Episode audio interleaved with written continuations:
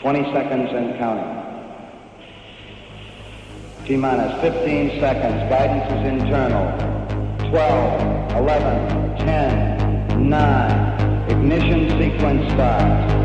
6, 5, 4, 3, 2,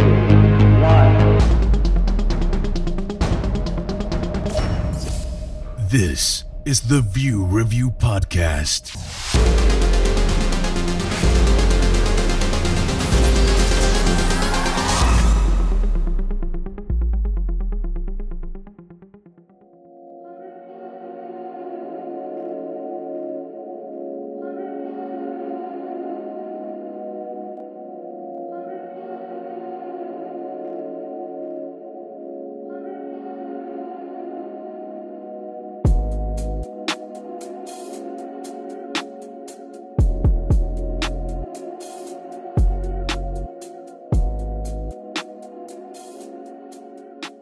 Velkommen til The View Review Podcast, midt måneds anmeldelser for juli 2022.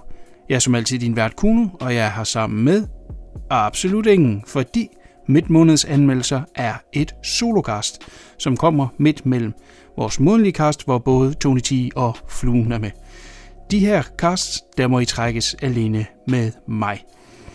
Den her gang er det et lidt specielt opsamlingsheat, fordi vi som sagt i det forrige cast havde nogle tekniske problemer, som gjorde, at omkring 40 minutter af min lyd forsvandt, og derfor er den sidste del af det cast kun fluens anmeldelser.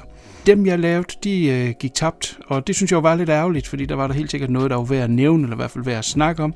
Så de kommer som øh, et, lidt et, et opsamlingsheat i den her midtmåneds anmeldelser. Og vi vender selvfølgelig tilbage med det normale kast den 31. juli, som sagt, hvor både øh, Fluen og Tigeren er med. Midtmånedens anmeldelser er sat til at komme den 15. i hver måned. Det vil jeg prøve at efterleve bedst muligt. Den her gang var det en lille forsinkelse, men ellers så vil det fremadrettet komme den 15. i hver måned, og det er cirka midt mellem de normale casts. Så øh, jeg håber ikke, at jeg bliver for øh, tung at høre på, når jeg kører alene her, og jeg håber, at øh, I kan bruge de her anmeldelser til noget. Og øh, jamen, ellers læner jeg tilbage og lytte. Det er et lidt andet øh, opbygget format end det andet, men hvad, vi skal også prøve lidt andet. Så øh, lad os kaste os ud i det. Detective Bell. Who is it? No ID, no idea. Placing our agent undercover. If we do this, we accept the consequences. She loved me. You know I do. You chose to play cops and robbers, and you lost. Burned a circuit in my brain. You can be better than me. I just want to do one good thing. Destroyer, rated R. Destroyer er en tæt, tæt thriller fra 2018 med Nicole Kidman i den alt overskyggende hovedrolle. En kvindelig bad lieutenant, der tidligere har arbejdet undercover, nu for drukken og nedslidt, jagter en kriminel fra hendes tid undercover. Det er ganske kort beskrevet af Destroyer, som er den her fantastiske tight thriller, som sagt med Nicole Kidman i hovedrollen. Og det kan ikke siges nok, for hun er den alt overskyggende karakter i den her film, hvor man simpelthen bliver trukken igennem det beskidte øh, underverden af, af Los Angeles sammen med hendes karakter, den her quote-unquote Bad Lieutenant. Grund til, at jeg siger Bad Lieutenant sammen med, øh, med den her film, det er, fordi der er, den ikke har lidt hen mod Abe Ferrers Bad Lieutenant i historien, det her med en politibetjent, der øh, er gået de forkerte veje, men ligesom har den her øh, ene quest, de ligesom mener kan, kan redde dem. Hvis de bare gør den her ene ting rigtigt, så kan de ligesom redde dem. Det er en historie fortalt meget i flashbacks, og det, det er måske egentlig den eneste anke, jeg har lidt øh, mod filmen. Den er 120 minutter, og vi starter ud i en tid, og så springer vi tilbage i en fortid. Vi vil undervejs finde ud af, at den tid, vi startede i, også er en datid. Så vi hopper noget frem og tilbage, og egentlig først til sidst har vi alle brækkerne til puslespillet. Og det virker sådan set egentlig fint nok, men der er lidt undervejs, hvor vi ikke lige helt ved, for det første, hvor vi er, men heller ikke helt motivationen i de punkter, vi lander ned. Og det synes jeg måske er lidt ærgerligt. Så strukturen kunne jeg måske godt have forestillet mig var lidt anderledes. Men vi starter med at se hende, hvordan hun i quote unquote, ser ud i dag, hvor hun er totalt nedslidt. Og igen Nicole Kidman, smuk øh, kvinde. Her fuldstændig øh, rynket, øh, grim, usund hud, korthåret, lige når hun er blevet klippet af en øh, græslåmaskine. Fordrukken, de andre øh, politifolk har ingen respekt for hende, og, og, og synes bare, hun er en drukken bold, skal, som skal holde sig væk. Og hun øh, dukker op til den her crime scene, hvor at der er en, øh, et bandemedlem, der er blevet skudt. John Doe, de ved ikke, hvem vedkommende er, eller hvad bande de hører til, eller hvad der skulle være årsagen til det her mor. Men hun ligger ind med noget information, og det er så via de her flashbacks, øh, vi finder ud af, hvordan hun har tilknytningsforhold øh, til den her sag. Vi starter med at se, hvordan hun som en ung politibetjent, eller yngre i hvert fald, øh, træner til at være undercover med hendes øh, mandlige counterpart, en, en øh, mandlig politibetjent, som skal spille hendes øh, kæreste, spillet af Sebastian Stan, og hvordan de øver deres øh, baghistorie, så de kan komme ind i den her bande og ligesom på kryds og på tværs kunne øh, komme med den her falske identitet. Og så flasher vi lidt frem til nutiden, hvor hun prøver at opklare den her øh, Øh, sag, som vi så finder ud af, det er fordi hun kender de her folk, så hun går simpelthen tilbage til den her bande, hun engang har øh, gået sammen med, og hvor de endte i dag, og det er jo så også nogle øh, rædderlige øh, historier, de har. Og så flasher vi tilbage, så vi ligesom mens vi lærer nogle karakterer at kende i fortiden, så ser vi, hvor de er i nutiden. Så den del fungerer sådan set godt nok, men som sagt mener jeg, at der er nogle steder, hvor man lige mister, øh, hvor man egentlig skulle være hen. Men til sidst, det, jeg synes også, det er fedt, at når man så får den sidste brik, når jeg okay, så går puslespillet op for en. Og det, det så, så virker det måske godt nok, så jeg ved ikke, om det, det er dumt anke, jeg har der. Uh, hun har så en uh, teenage datter, som er ved at, at run lidt amok. Uh, uh, hendes eksmand prøver at styre hende så godt uh, han kan, men ja, det går ikke så godt.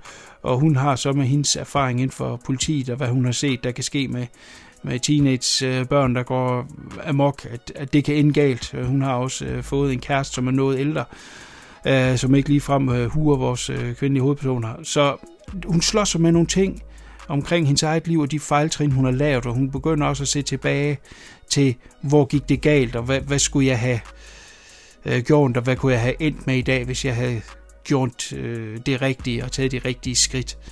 Så det er en, øh, det er en spændende film, og den er øh, borget af fantastisk skuespil, selvfølgelig især af Nicole Kidman.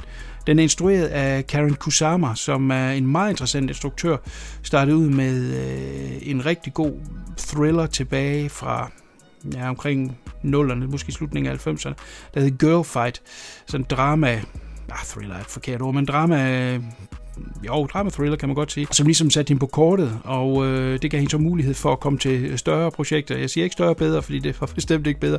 Aaron Flux, som var den her totalt mistimed øh, science fiction live-action udgave af en Flux øh, øh, tegnefilm, som ikke var særlig god, og hun gik videre til øh, Jennifer's Body. Der er fans af den, det, det er jeg ikke. Men i 2015 kom hun til gengæld tilbage på kortet, hvor jeg vil sige, øh, jeg fik øh, virkelig øjnene op for hende, med den her lille horror thriller, der hedder The Invitation. Den har tidligere ligget på øh, Netflix, jeg ved ikke, om den stadigvæk ligger. Den er super fed, og øh, hun kom så over at lave et afsnit i den her, der hed XX, som var de her kvindelige instruktører, der skulle lave små horror uh, shorts i en, en anthology, uh, og hendes uh, entry dag var også super godt, så det var sådan lidt, hmm, jeg skal holde øje med, hvad uh, Karen Kusama laver. Og så kom den her Destroyer, den så fra 2018, og jeg har ville se den i siden 2018, og jeg ved simpelthen ikke, hvorfor den konstant er undsluppen mig, eller jeg har glemt at, at købe den, eller hvad fanden det er. Men den er så kommet på Viaplay, og jeg vil på det kraftigste anbefale, at hvis man godt kan lide sin thriller, uh, crime thriller, virkelig tight, uh, godt skuespil, uh, rå og Øh, som sagt de her skuespillerpræstationer øh, rammer en virkelig som en knytnæve, så er der ufattelig meget at hente i Destroyer. Den er øh, 120 minutter. Jeg ved ikke, om den lige skulle øh, have smidt. Men der, der er vi tilbage igen ved de her flashbacks her. Altså, Øh, om, om der er lidt for mange af dem det er måske et, et second view vil, vil ændre mit syn på det. Og det lyder som om, at, at jeg er hård ved film, men jeg, jeg giver den altså mine varmeste anbefalinger. Øh, bestemt. Så Destroyer er på Viaplay. Tjek den ud.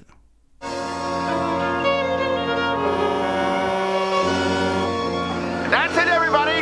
Out to sea! Welcome! Mr. Hurst, you have a second to talk. I have two and one half minutes. The most powerful media mogul in America. There's a lot of money in movies, WR. Yeah, mine. The most famous movie actor in the world. Mr. Chaplin, the true honor to meet you, sir. Failure is a character builder, right, Charlie? I don't know, Tom. You tell me. You're in love with me, aren't you? Not as much as you are with you, Charlie. And the rising star who stole their hearts. I love you so much. I love you. Can I be frank with you, WR? I could keep an eye on her for you. Hmm. What makes you think she needs to be watched? Together for a luxurious weekend cruise He's heard about us. that would end in murder. Nothing can happen this weekend. So what are you doing next weekend? There have been whispers, Marion. There's nothing going on between me and Charlie. Have you slept with him? No. Have you? There are some things even you can't control. Like what? Don't worry, your secret is safe with me. You just said everyone knows. Who's everyone? Well, everyone on this boat, for example. Thank you, Tom. I'll handle this matter. What the hell is going on here? I swear I heard a shot. Now, by God, I'm going to make sure that none of this gets in the paper. I'm asking you to join me in an oath of silence that you do not know what happened aboard this boat.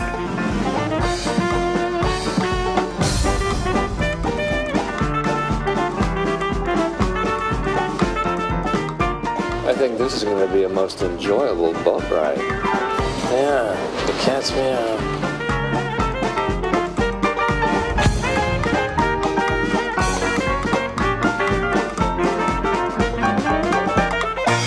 The Cat's Meow, instrueret af Peter Bogdanovich, er et mysteriedrama fra 2001. Det er en film baseret på myter og rygter fra det gode gamle Hollywood. Dengang hvor rige folk og skuespillere kunne slippe afsted med alt og nærmest var over loven. Vi følger den her yacht, der sejler ud med en masse rige folk og skuespillere og kendte. Yachten er ejet af Hearst, den her avismand, som blev kendt og udødeliggjort i Citizen Kane. Han er en rig mand, som har meget magt. Han har også en ung elskerinde, Marion Davis. Hun har en tidligere bejler i Charlie Chaplin, og det irriterer Hearst voldsomt. Og over de næste par dage spidser situationen mere og mere til, indtil det sidst ender i mor. Det er en, øh, en virkelig hændelse, som sagt i hvert fald, at yachten sejler ud og kommer tilbage, hvor en af passagererne er døde. Vi får at vide allerede i starten, hvem det er, hvis man ikke kender historien i forvejen. Og så går vi så i gang med selve historien og filmen. Og vi får et indblik i de her personers liv og deres øh, interageren på kryds og på tværs. Det kan være, at nogen kender man i forvejen. Hurst blandt andet jo selvfølgelig og Charlie Chaplin. Manden, der skabte en masse filmstudie, Thomas Ince, også en, en stor del af den her historie. Peter Bogdanovich, han elsker jo det gamle Hollywood og historierne og rygterne og stemningen derfra. Og med The Cat's Meow, der lykkedes det ham faktisk at lave en af hans bedre film, hvis jeg skal sige det. For jeg er faktisk ikke særlig glad for Peter Bogdanovich. Jeg synes, han er sådan lidt en tag-along med navne, der er større end ham og bedre end ham. Øh, det er jo en kendt sag, at han er meget, eller var, og nu er han jo død for nylig, vi skal heller ikke tale ondt om de døde, men han var meget glad for Hitchcock, og hvis han kunne slippe afsted med det, ville han nævne ham i hver sætning. Øh, han kunne, jeg synes jo på ingen måde, han kommer op på siden af, eller i nærheden af Hitchcock. Men han lavede et par gode film, blandt andet øh, Targets tilbage fra midt-60'erne, var en fantastisk film, men deriblandt øh, ikke det helt store indtil, øh, vil jeg sige, The Catch Me Out, som jeg faktisk synes er en, en ret vellykket film, som sagt fra 01. Øh, jeg har altid kendt til den, men aldrig rigtig fået øh, dyppet mig ned i den, blandt andet fordi det er øh, Peter Bogdanovich, øh, holdt mig lidt fra gode skuespillere selvfølgelig. Eddie Izzard spiller Charlie Chaplin, det synes jeg er et sjovt valg. Øh, han gør det faktisk øh, ganske udmærket. Enkelte gange synes jeg, han, og det er måske ikke pænt at sige, men han efteraber måske lidt øh, Robert Downey Jr.'s øh, portrættering af, af Chaplin. Det er jo ikke fordi, vi har store dokumentarprogrammer med Chaplin, i hvert fald med øh, store interviewdele med Charlie Chaplin. Vi har selvfølgelig noget materiale, hvor vi kan se, hvordan han var, når han var sig selv. Men stadigvæk øh, er det jo lidt et bud, hvordan man vælger at spille ham. Og det gjorde øh, Robert Downey, jo, var det tilbage i 02, eller i 92, undskyld. Um, og det, jeg kan ikke lade være med nogle gange lige at tænke, har Eddie Izzard øh, lænt sig lidt meget op af, af Robbie Downeys øh, portrættering der. Men stadigvæk, han gør det ganske fint her. Øh, Kirsten Dunst spiller øh, kærlighedsinteressen for dem begge, Marion Davis, den er kvindelige skuespillerinde, som øh, ikke var særlig kendt på det her tidspunkt, men lige pludselig øh, efter det her fik større og bedre roller, og det har været med til at og kaste benzin på bålet omkring, var der en conspiracy omkring det her quote-unquote mor, som officielt blev øh, øh, beskrevet som et hjerteanfald, da de kom ind med den her person, der er død. Jeg skal ikke afsløre her, hvem det er, så er der lidt mysterie omkring det. men øh, men øh, de officielle papirer blev der skrevet øh, et hjerteanfald, men vidnes øh, beretninger som, og rygter selvfølgelig også med årene, har beskrevet, at øh, det var et mor. Og det er jo så det, uh, The Cat's Meow prøver lidt at, at, at, at belyse fra den her vinkel. Jeg synes, uh, ganske interessant lille film. Ikke store armbevægelser, men, men ganske underholdende med, med rigtig fine præstationer fra dem alle sammen. Og igen, øh, Peter Bogdanovich, øh, måske bedst i hans element her, hvor han, hvor han prøver sådan lidt at, at lægge sig op af det gamle Hollywood. Så jeg vil sgu gerne anbefale øh, The Cat's Meow. Den ligger på Pluto, den her nye gratis streamingtjeneste, der er kommet. Man kan kalde det den skandinaviske øh, tube, hvis man vil. Det vil sige, der er altså reklamer ind imellem. Jeg synes ikke, det er nogen dealbreaker. Hver halve time er der 30 sekunder. Jeg ved ikke om, om øh, hvis man tager en mere populær film, at der så er flere reklamer, eller fordi det, er, det er en lidt ældre lille film. Jeg, jeg, jeg ved ikke, om der er noget der, der spiller ind. Nu er det ikke, fordi de har det store helt nu, men det er selvfølgelig også en nyere øh, streamingtjeneste, der er bygget videre fra det, der hed Via Free, så der er også masser af reality og sådan noget, hvis man interesserer sig for det. Men de har altså lige en håndfuld film, og jeg tænkte, jeg vil give Cats Meow en chance, og det synes jeg da også, uh, I skal tage at gøre. Den ligger som sagt på Pluto, og er en anbefaling herfra. They're moving the asset. We go now.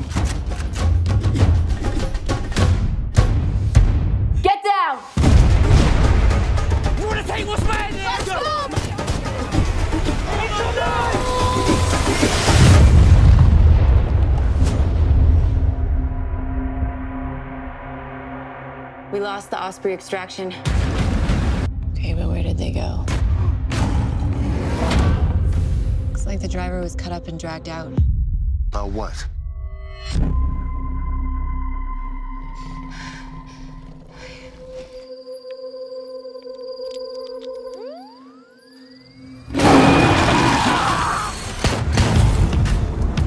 He's torn to pieces. The lion got him. Some lions go rogue. she likes to kill. How do you know it's a she? Females are the true killers.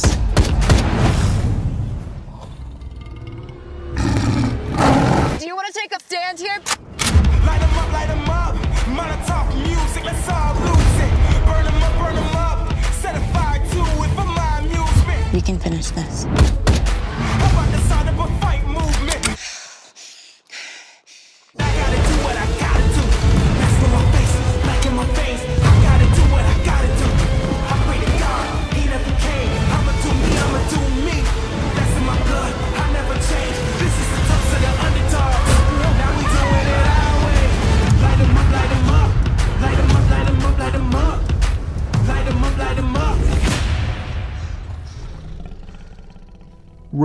Er en action-thriller-gyser fra 2020 med Megan Fox i hovedrollen.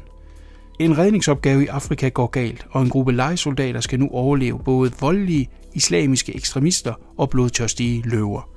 Ja, det er noget af et setup til filmen Rogue, som sagt fra 2020. Det er både en øh, actionfilm, fordi den starter med en, en redningsaktion, som sagt, af de her legesoldater, der skal redde øh, en bestemt øh, pige af en jeg kan, jeg kan simpelthen ikke huske, at der er en, en ambassadør eller et eller andet, øh, som er taget til fange af de her øh, ekstremister, og øh, finder så buer med, med flere andre piger, der er udlændinge, der er taget til fange, og ender så med at tage dem alle sammen med. Øh, og så er der en masse action omkring øh, det, deres øh, flugter fra. Det er en masse øh, actionscener med at skyde og helikopter, der springer i luften og alt muligt. Det, der er bare fuld gas på, og det er lige der, hvor øh, Megan Fox hører hjemme, ikke? og der er ikke for meget følelser eller øh, skuespil, man behøver at se moach der. Det er simpelthen bare at, at, at, at skyde og øh, springe ting i luften. Men så øh, et godt stykke ind i filmen, de her legesoldater søger ly ind i øh, det her compound i Afrika, og det viser sig så, at der er en glupsk kæmpe løve, som går mok, og øh, ja, der skifter filmen så lidt øh, karakter, fordi så de her ellers så professionelle legesoldater, de kan lige pludselig ikke ret meget, de kan ikke ret, regne ret meget ud, de går ud og blotter sig selv, øh, går med ryggen til, og jeg ved fandme ikke hvad, så bliver de spist øh, en for en, indtil at øh, der selvfølgelig kun lige er vores skeleton crew tilbage, øh, Megan Fox og nogle af de her piger. Jeg ved ikke helt, øh, hvad jeg skal med den her film. Øh, jeg var sgu noget skuffet. Øh, Øh, den er instrueret af M.J. Bassett, som tidligere har instrueret nogle film, jeg faktisk var ret glad for, tilbage i 02, en der hedder Death Watch, som var den her øh, horror-ting, som foregår under Første Verdenskrig i skyttegravene der, sådan lidt øh, ja, øh, Første Verdenskrig møder Hellraiser, om man vil, men den synes jeg var super fed, mindfuck, øh, øh, skide gode effekter, og god stemning og alt muligt. Jeg så den i biografen dengang. Jeg, jeg var virkelig op og køre over Death Watch. Og et par år senere kom uh, Wilderness, som er sådan en uh, ja, halv slasher, halv uh, survival i, i naturen uh, film, som Øh, også rigtig effektiv faktisk, øh, britisk film. Så jeg, jeg synes, der er lagt det kakkeloven til, at Rogue måske kunne være interessant. Jeg hørte også lidt, lidt boss omkring den, men ja, lad så enten de så den, så vil jeg sige, ah, øh, dårlig CGI, øh, især de her løver. Øh, de går altså lidt ondt i øjnene. Jeg synes, den er mega langtrukken. Den skulle simpelthen være klippet ned, især i actiondelen der i starten. Øh, bliver den for tung. Det er, jo ikke, det er jo ikke det, vi ser den for. Det er fint nok, man lige vil sætte op, at de øh, topprofessionelle øh, legesoldater kan en masse ting og har en masse gadgets og, og, og våben. Men altså... Øh, den del kunne have været klippet voldsomt ned, så vi kunne komme i gang. Og til syvende og sidst er det nødvendigt, når vi kommer til præmisset, og, og hvad det er, der sker der, så kunne det jo være alt muligt andet. Det kunne være nogen, der bare var på øh, safari-rundvisning, der bliver fanget der. Øh, altså, der, der er nogle ting der, der ikke helt hænger sammen, enten at hey, det kunne være sjovt at mixe de her to ting, men det føles egentlig som to forskellige film, der mødes på et eller andet tidspunkt i midten, og så øh, laller den derudad. Megan Fox, ikke særlig god skuespiller, som så... Øh, der er nogen, der synes, hun er køn. Det er, hun er ikke lige øh, min kop te, vil jeg sige.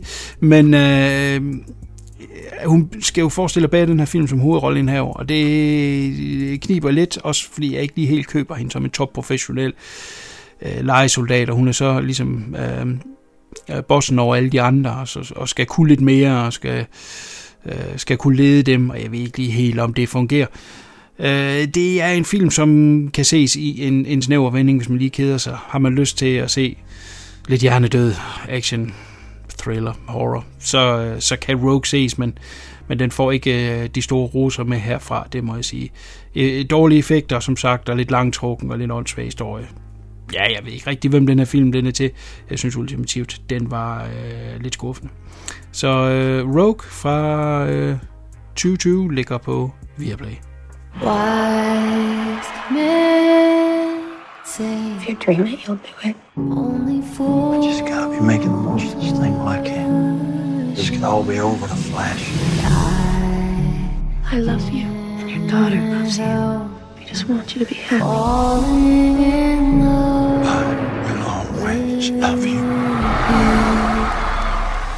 Elvis. Rated PG-13. Elvis.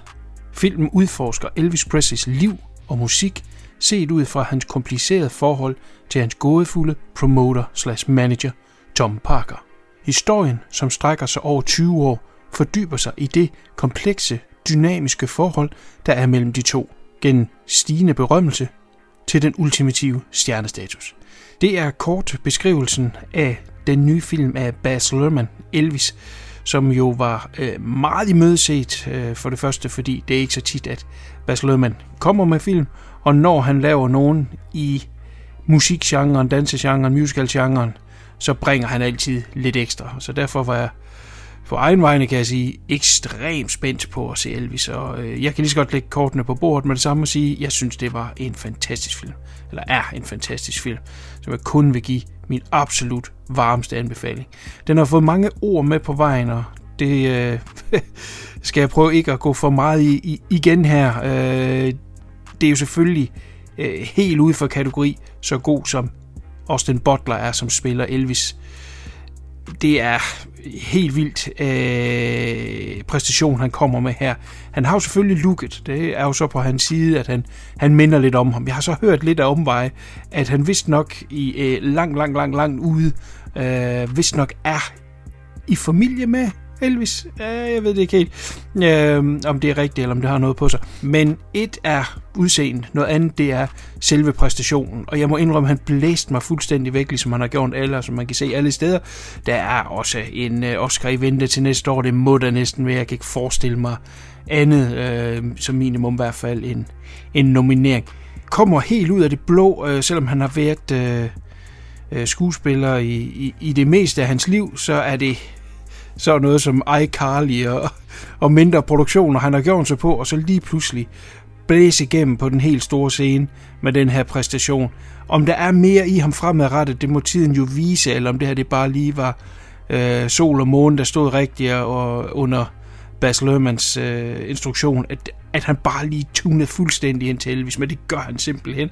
Og der findes jo masser af videoer på YouTube, som sammenligner øh, Øh, de to op mod hinanden, de performances, og det er jo helt øh, vildt, hvordan han har fanget det. Han giver jo selvfølgelig kredit videre blandt andet til, til den her koreografer, der har lært ham at bevæge sig på den måde, men der er sgu mange ting øh, helt ned i de små detaljer, som han jo også selv har bidraget med. Så fantastisk, og som sagt, så er jeg ikke i tvivl om, at der, der falder en af de helt store priser af, øh, når vi når øh, øh februar-marts til næste år.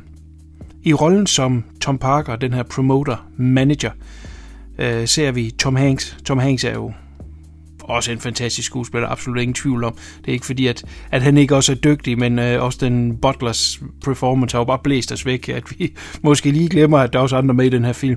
Tom Hanks gør det også super godt, øh, som den her øh, i starten måske lidt karismatiske karakter, men vi hurtigt finder ud af, at han er ja, lidt en douche, prøver at... Øh, og, og, og sælge en drøm, men samtidig bare står og skraber det hele i lommen. Og, og, og meget af det er egoistiske årsager. Jeg skal ikke afsløre her, hvorfor det er, at han konstant prøver at bremse Elvis' øh, ja, hvis ikke gennembrud, så i hvert fald, at hans internationale karriere virkelig kunne øh, få luft under vingerne. Uh, selvom han har masser af makeup på, fordi uh, Tom Parker-karakteren er en, en, stor, en stor herre, øh, han har meget makeup i hovedet. Jamen, jeg synes stadigvæk, at vi kan øh, føle karakteren igennem alt det, og igen kan du til øh, Tom Hanks, fordi han er øh, så dygtig øh, en skuespiller. Det er også en karakter, jeg ikke rigtig kendt noget til, ikke fordi at jeg er stor Elvis-ekspert, men altså, vi vidste jo, øh, eller ved nok alle sammen øh, lidt omkring karakteren, der afspiller mange film og serier gennem tiderne, og noget af det øh, har jeg da haft øh, næbet i sig. Så noget af det vidste man jo godt, men, men selve Tom Parker-karakteren, anden end at hans navn og hans rolle i Elvis' liv øh, vidste jeg ikke rigtig noget. Og øh, det er et interessant indblik i, i den her karakter, som var en, en, en, en sælger og en, og en schemester. Han var virkelig, hvordan kan vi vinkle det her på den rigtige måde, blandt andet øh, da populariteten ligesom stiger, han begynder at lave merchandise, så laver han også, jeg hader Elvis merchandise, fordi der må også være nogen, der ikke kan lide ham, og det kan vi lige så godt tjene penge på, og øh, chokere lidt familien, at, at der er badges, hvor der står på, jeg hader Elvis, men øh, han havde jo ret, og der kunne tjenes penge på det hele, fordi han solgte også øh, de her badges, øh, så det er jo en interessant vinkel på det, jeg synes ligesom, vi får det hele øh, med her. Øh, filmen øh, bruger lidt, øh, lidt frihed undervejs, igen, ikke, jeg kendte ikke historien inden, øh, så dybt dybdegående, som den er i filmen, men efterfølgende har set øh, nogle små øh, øh videoklip på, på øh, YouTube, og nogen, der, der ved mere om det end mig, ligesom øh, Facts øh, versus Fiction, fortæller, hvad, hvor de har taget deres friheder, men jeg synes hele tiden, det er sådan der inden for, hvad man kan øh, slippe afsted med, øh, og, og efterfølgende har øh, Elvis' øh, efterladte også støbt støttet voldsomt op om filmen, og, og selvfølgelig øh, også den Butler, som der også er blevet slået op flere steder, at de jo simpelthen er så rørt over øh, den portrættering, og, og, og endelig fik Elvis den film, han fortjente. Øh, selvom der, jeg vil sige tidligere, har der, da været nogle, nogle ganske udmærket. Jeg kan huske, øh, John Carpenter lavede en fra 79 eller noget lignende med, med Kurt Russell, som Elvis Presley, den, den husker jeg da som værende ganske udmærket. Men, men, øh, men de støtter op om film, og det er selvfølgelig også en blåstempling af, at selvom at der er lidt frihed undervejs, så det er ikke alle tingene, vi kan tage som værende, det her det er facts øh, at den her scene, som vi ser i film, udspiller sig på den her, den her måde, det var sådan, det var. Øh, men det er sådan lidt, der er et græn af sandhed der og der. Måske har man slået nogle ting sammen for at øh, få en historie bedre til at flyde, og igen, vi skal jo også lige, den klipper ind på 2 timer og 39 minutter, vi skal jo også igennem det, selvom at den dækker 20 år, så skal vi jo øh, videre i historien. Så, så øh, all in all, øh, jeg synes, øh, Bas Lerman igen har, har lurt et, et lille mesterværk af.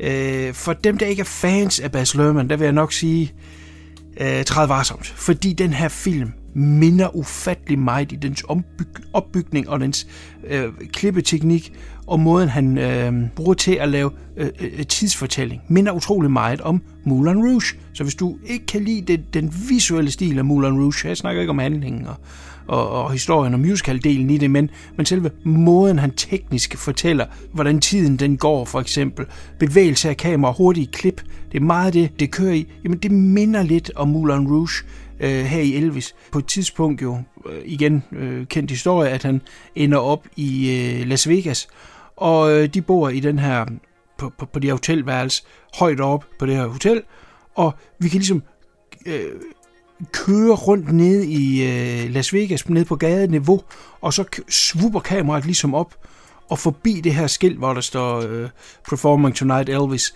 Kør forbi det, og så op i øh, højde med deres hotelværelse. Men utrolig meget om det skud, der er flere omgange i Moulin Rouge, hvor vi ligesom kører gennem vindmøllens vinger, og så over i det her, øh, den her lille øh, faldefærdige lejlighed, som øh, Ewan McGregor bor i.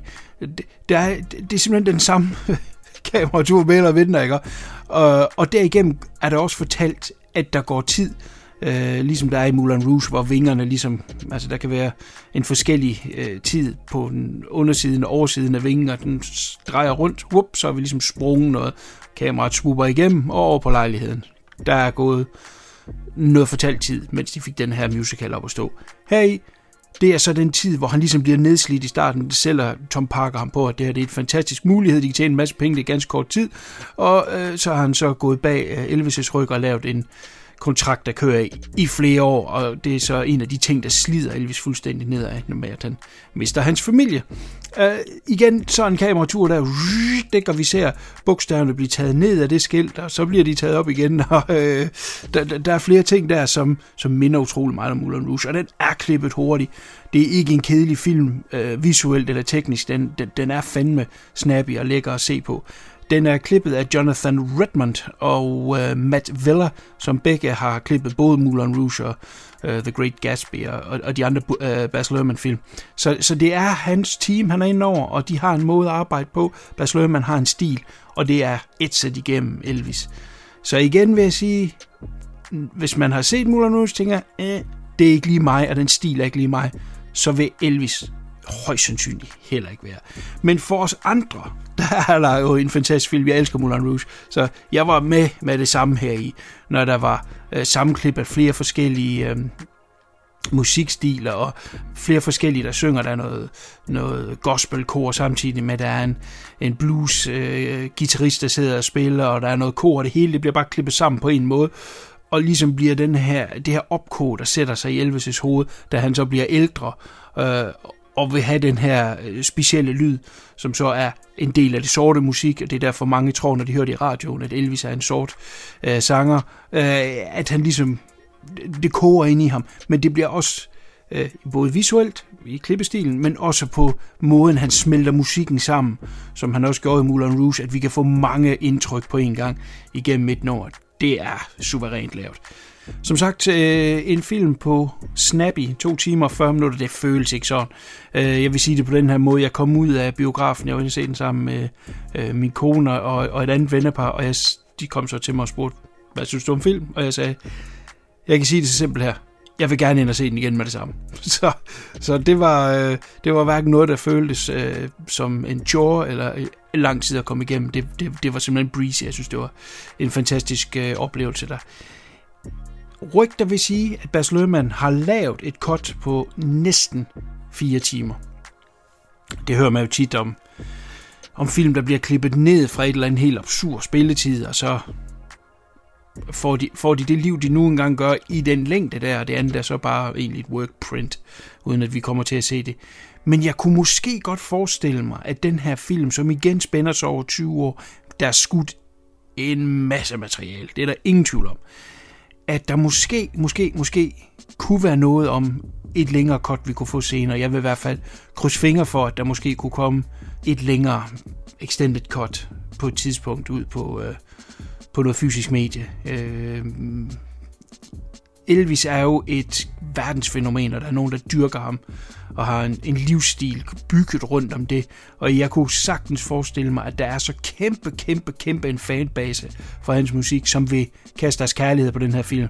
Og hvis der er penge at tjene, så skal man ikke kunne afvise, at der er filmsels- eller filmselskabet bag, vil tænke, hmm, der er måske en idé i at kaste en, øh, et længere cut ud. Nu er den kørt i biografen, de har tjent deres penge, øh, den har gået øh, suverænt i biografen, kører så stadigvæk, og øh, i den her efter coronatid er det jo altid, øh, de kigger på tallene, og så ser de, hvad er en succes, ikke? forhold til, hvad var en succes tidligere, ikke? Og, og når det ligesom med Top Gun kan overgå al forventning under de her forhold, hvad ville det så ikke have været? Så øh, de, de slår ekstra meget til, det er ikke et sekund i tvivl om, men om det måske kunne kaste den her ekstra øh, langudgave øh, af sig, øh, altså, det krydser jeg fingre for. Det kunne være mega interessant, fordi der er masser i den, og som sagt, øh, man klipper hurtigt, så, øh, så der er jo lavet både setups og kulisser og, og kostymer. Efter sine skulle der være lavet 90 Elvis Presley kostymer til den her film. Så, så der må være masser af materiale at tage, og som måske helt er klippet ud, sekvenser eller hele scener, dele af historien, som man kunne putte ind igen. Så jeg krydser lidt fingre for en lidt længere udgave, fire timer måske. Ja, i, i, lidt i overkanten, ikke? og det er en time og 20 minutter mere, men, men en lidt længere udgave, øh, måske øh, i vente i fremtiden. Det kunne da være super cool. Men altså, jeg giver min varmeste anbefaling til Elvis. Se den med et godt lydsystem, basket godt op på lyden, og et godt stort øh, øh, tv, eller i biografen, øh, hvis I kan nå det endnu. Det er øh, en fantastisk visuel og øh, lydmæssig oplevelse, også selvom at man ikke er Elvis-fan, som jeg som sagt, jeg ikke var, går lige pludselig op for en, hvor meget øh, han har betydet, og øh, hvor mange hits han har, og man kan ikke lade være med at blive swept away, helt sikkert. Så øh, Elvis får den varmeste anbefaling herfra.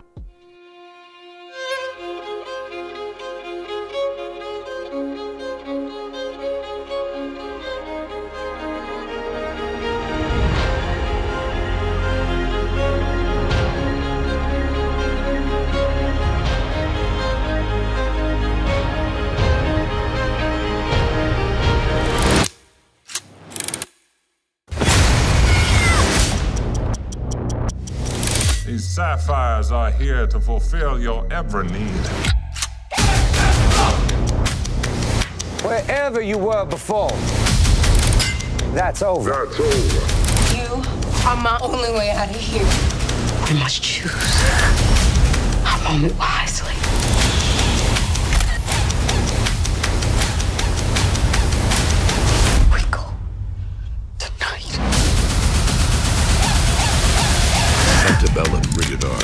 Playing everywhere on demand.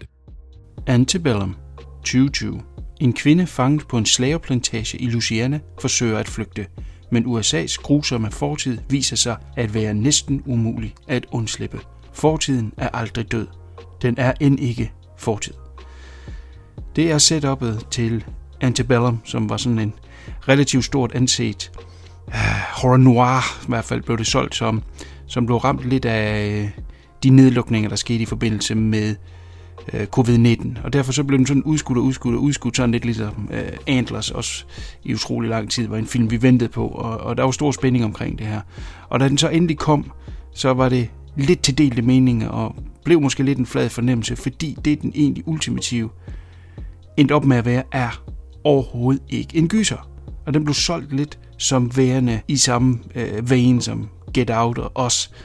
Øh, har intet med øh, Jordan Peele at gøre, men det står bare plasteret over plakaten, ikke? At det er producenterne fra Get Out og også Traileren dertil, som jeg har set efterfølgende, ligner altså også en horrorfilm. Øh, der var nogle tv-spots, hvor det var øh, Don't reveal the plot og the plot twist, og det blev kørt op som om, at det er det her twist, der ligesom skulle bære filmen. Men den har jo faktisk mange andre ting at fortælle, nemlig det her med at tage pulsen på USA i dag. Og den kunne have haft meget mere at fortælle, meget mere pondus og meget mere øh, vedrørende. Men det bliver tabt lidt på gulvet, fordi at man prøver lidt at ikke hen til det her twist, og det skal være lidt unease og lidt horror undervejs, uden at det reelt set er det, og derfor så falder den altså lidt flat. Det er næsten umuligt at snakke om den her film, uden at komme ind i spoiler territory, og det er derfor, jeg har lagt den her anmeldelse til sidst. Fordi hvis du gerne vil se uh, Antebellum og ikke vide noget som helst om den, så stop her og eventuelt vend tilbage. Har du set den og bare gerne vil høre min uh, mening om det, jamen så lyt videre her, fordi uh, jeg vil egentlig gå ind i, hvad det er, jeg mener, der er gået galt ved den her film, og derved kommer jeg simpelthen ind i spoiler så lidt omkring øh, opbygningen af film og de her plot twists, om de var nødvendige eller ikke nødvendige. Så øh, hop fra, hvis du ikke har set den, og så vend tilbage bagefter. Det helt store anke ved den her film fra min side af, det er, at, og, og det, helt, det går helt tilbage til øh, markedsføringen af det, det er jo, at det er jo, den foregår i nutid. Den foregår i nutid, hvor at en øh, sort kvinde bliver bortført, og tage ud på den her plantage, som er ligesom i 1880. Fuldt ud med slaveforhold, og det er hvide øh, soldater og hvide plantageejere, som behandler de her sorte mennesker frygteligt. Og jeg synes jo, det er ærgerligt, at vi ved det relativt tidligt, og hvis vi har set en trailer, ved vi det fra starten af, at der er en nutid. Jeg synes jo, det er røv ærgerligt, at man ikke kørte den helt ud, hvis det var, at den startede som en film tilbage i ja, 1880. Ja, jeg siger bare 1880. Jeg aner ikke, hvornår det er, men det er nok deromkring. Der skulle den have startet. Og der skulle den have været hele vejen igennem, og man kunne se at det her frygtelige øh, øh, liv, de har, og den her frygtelige hverdag. Og så den her kvinde, som har lidt mere ryggrad, lidt mere mellem ørerne, som gerne vil flygte derfra og komme væk. Og i det, hun kommer væk, lidt eller som det er i filmen, på en hest til sidst, rider øh, ud af plantagen, kommer forbi de her skilte, hvor der står, at man ikke må gå længere. Og så lige pludselig så kommer hun ud til det, som filmen så også slutter med i dag, nemlig det her øh, turistattraktion, hvor øh, helt normale mennesker går rundt med deres børn og, og, og går rundt i de her western byer, hvor der så er nogle skuespillere klædt ud i tøj, men de, de kommer som betalende gæster for at være her, og så er den her plantage ligesom om bagved. Så hvis hun kommer ud der, og så øh, hun har jo hele tiden vidst, at hun er i nutiden. Men vi som ser ved det ikke, så vil det jo komme som et kæmpe slag. Lidt alle slutningen af Abernes planet. Øh, første gang man så den tilbage i, i, i 68, altså dem der har set den i biografen dengang har jo været blæst bagover. I dag ved vi det godt, at øh, Abernes planet er på jorden, har ikke helt samme pondus. Men ideen om, at vi tror, vi er i slavetiden hele tiden. Hun ved godt, hun ikke er det, men det hører vi ikke, og hun siger ikke øh, noget omkring, øh, hey, vi skal ringe til politiet, jeg skal hen til en telefon, eller noget som helst. Men bare, at hun prøver at slippe væk hele tiden, for til sidst at komme ud, og så se, at man er i det her... Øh, øh, ja, fair, øh, eller hvad fanden man kalder det, hvor at normale mennesker kommer, og de ligesom er i chok over, at hun kommer ud, og hun har øh, blod på sig, ridende som øh, bad out of hell på en hest. Det vil have givet et kæmpe pondus. Altså det ville have været et slag i ansigtet og kunne fortælle den her historie meget mere skarpt, end den gør nu, hvor den cirka halvvejs i, selv hvis du ikke har set traileren, begynder at vise nogle ting. Altså for eksempel, at øh, øh, man ser et fly i himlen, man øh, hører en mobiltelefon ringe. Altså det er nogle ting, der kommer der, og så bliver det sådan lidt ligegyldigt egentlig. Mysteriet deri er twistet deri, jamen øh, for mig bliver det egentlig lidt ligegyldigt hen ad vejen, og den bliver sådan lidt et vattet ja, der, der kommer ikke rigtigt det pondus, der skulle have været i den, og det synes jeg er mega ærgerligt. Den kunne have virkelig have haft øh, noget at sige og være vedkommende. Den er mega flot skudt, det skal den dog have. Det er to øh, debuterende instruktører, som kommer fra musikvideo-verden. Gerard Bush og Christopher Renz. Og det her det er så deres øh, debutfilm. De kommer fra musikvideoer, som sagt, og de bruger det visuelle, som de har lært inden for musikvideoer øh, i den her film, og derfor er den meget, meget, meget flot at se. Blandt andet er hele startskuddet en lang kontinuerlig kameratur igennem plantagen, hvor vi ligesom ser de forskellige øh, steder, vi kommer igennem i løbet af filmen. og de er vanvittigt flot lavet, og øh, en rigtig god måde at introducere filmen på. Det er også derfor, jeg lige var oppe på den øh, store klinge, da, da jeg startede med at se den, og, og havde store forventninger til den. Og så er det også vigtigt at sige igen, jeg understreger, det er ikke en gyser, det er ikke en horror noir. Den bliver bare solgt som det, øh, fordi det sælger lige nu, og hvis man kan på en eller anden måde hugge det på Jordan Peele eller de film, han har lavet, jamen så sælger det nok bedre. Og det gør at folk, de har en vis forventning, når de ser den, og så bliver man måske lidt skuffet, fordi det var ikke lige det, man troede, det var. Og så igen, som jeg siger, det bliver lidt en, en vattet lusing i hovedet, som skulle have været en ordentlig knytnæve. Så, så bliver den måske lidt skuffende. Det, det, det ligger op til et mysterie, som aldrig rigtig kommer. Mysteriet ligger i måden, de har klippet det på, fordi hun ved, hun er fra nutiden, og så kommer der de her klip ind undervejs, som ligesom fortæller os det. Hvordan hænger det så sammen, at hun kan være i to tidsalder, og det er så det, der skal være det her mysterie. Men den klipper sig bare til et mysterie, fordi hun har allerede alle brækkerne, kender vejen igennem det hele. Det er os, der ligesom skal følge med der, og så skal have det her kæmpe twist til sidst, som jeg ikke helt køber. Og, og det er derfor, at jeg så ufattelig gerne ville have haft, at den bare var kørt snorlige i quote-unquote plantagetiden, plantagedelen, og hun så slipper ud til sidst, og først der finder vi ud af, boah, fuck man, det foregår i nutiden. Øh, det er fandme sygt. Det ville have været en meget bedre twist. Igen er jo noget, der startede helt tilbage til promotion af den her film, hvor jeg også synes, man ødelægger den. Nu er den så, som den er, og i den rækkefølge, den er i, hvor vi klipper datid nutid, om man vil. Det hele er jo nutid. Men, øh, men, men man klipper det sammen i en pærevælling. Det er allerede i traileren, de viser det. Jeg synes, hele markedsføringen omkring den har været forfejlet. Blandt andet, som, som jeg sagde før, med prøve at sælge den som en noir, horror noir, og så samtidig giver alt for mange brækker væk. Altså, det kan godt være, de kommer med noget Don't Ruin the Twist, eller øh, hvad fanden det var, den øh, tv-kampagne gik ud på. Men du, får alle brækkerne. Det er meget nemt at regne ud. Det, det, det, det er ikke noget, hvor man skal sidde og trække sig ud af filmen og tænke, hmm, hvordan kan det være, det hænger sammen? Det giver sig selv, fordi man får alle kortene på hånden. Hovedrollen er spillet af Janelle Moreau, en øh, ny skuespillerinde i hvert fald i forhold til øh, mig. Jeg har ikke set hende før, men hun gør det faktisk rigtig godt heri. Øh, og som øh, hendes øh, hvide counterpart har vi øh, Jenna Malone, som øh, før har vist, at hun kan spille en, en rigtig dum skiderik, som hun også gør i øh, øh, The Neon Demon. Så øh, rigtig godt castet, og som sagt visuelt rigtig flot film. Men desværre, ifølge mig i hvert fald, sat forkert sammen. De kunne have lavet noget, der var meget mere impactful. Stadigvæk et kig værd, fordi alle brækkerne er jo herinde, men forvent ikke det store, det store twist, det store øh, ramachan. Men den er okay værd at se. Jeg ved ikke, om der er et fan cut, der vil være værd at lave, hvor man klipper det ud og får den, får den øh, øh, det narrative, jeg snakker om, til at, at fungere, om det så vil give den lidt mere. Men i hvert fald i dens nuværende udgave er den på Netflix, og det er altså Antebellum. Ja, det var midtmånedets anmeldelser. Et kort lille minisode den her gang, som jeg kørte solo. Det var en test. Jeg synes, det er gået okay. Jeg vil selvfølgelig øh, bestræbe mig på at ramme den 15. i næste måned, så det rent faktisk bliver et, et midtmåneds anmeldelse. Jeg beklager, det var med din ferietid og nogle personlige ting, som gjorde, at, at tiden lige skred fra mig. Men vi er som sagt tilbage med øh, vores normale cast, episode 87, den 31. juli, og jeg vender tilbage med midtmåneds anmeldelser igen, kryds fingre, den 15. august. Til da, pænt farvel.